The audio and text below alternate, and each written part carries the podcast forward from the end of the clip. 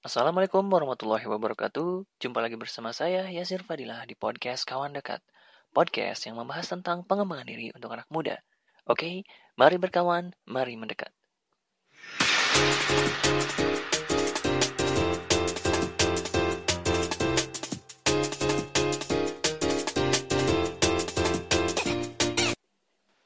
Di episode kali ini, saya ingin membahas tentang prinsip dari Jepang. Kita tahu, Jepang adalah negara yang terkenal dengan prinsip etos kerja dan kedisiplinannya. Itu dibuktikan dari hasil industrinya yang bisa dibilang luar biasa. Dari mulai produk teknologi, transportasi, sampai hiburan seperti anime atau serial kartun Jepang. Produk-produk industri itu udah nggak asing lagi di kehidupan kita kan? Nah, prinsip mereka layak dipelajari karena prinsipnya sederhana, tetapi dampaknya cukup besar.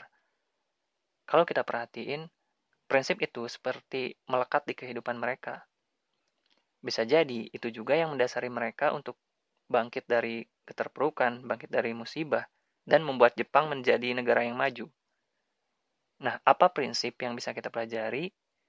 Salah satu prinsipnya yaitu Kaizen, Prinsip ini cukup menginspirasi saya dalam menjalani keseharian. Prinsip Kaizen adalah prinsip yang mengajarkan kita tentang peningkatan atau perbaikan terus-menerus. Perbaikan ini nggak harus dilakukan secara drastis, tapi dilakukan sedikit demi sedikit. Sedikitnya, satu persen lebih baik dari sebelumnya. Intinya, dengan menerapkan prinsip Kaizen, kita tahu akan pasti bisa ditingkatkan atau diperbaiki lagi kualitasnya ada salah satu perusahaan Jepang yang menerapkan Kaizen.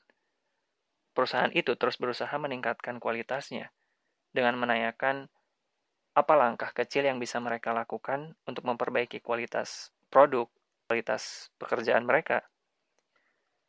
Nah, kita juga bisa menerapkan prinsip itu di kehidupan kita. Seperti yang dilakukan oleh perusahaan Jepang tadi, ada dua hal sederhana yang bisa kita lakukan untuk menerapkan Kaizen.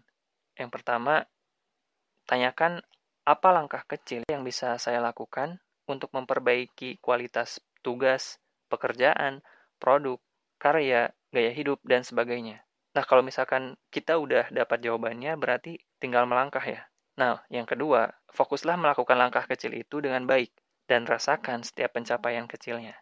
Dengan begitu, kita nggak akan terlalu kewalahan ketika ingin melakukan perbaikan, karena perbaikan kecil pun bisa berdampak besar Ya banyak hal yang bisa kita pelajari dari negara Jepang ya, terutama dari prinsip atau filosofi hidupnya. Nah, prinsip Kaizen bisa kita terapkan untuk menjadikan diri kita lebih baik dari sebelumnya, atau lebih maju lagi. Prinsip Kaizen mengubah hidup saya untuk terus berusaha memperbaiki diri. Apakah kawan-kawan tertarik buat menerapkan prinsip ini juga? Saya Sirfadila, sampai jumpa di episode selanjutnya.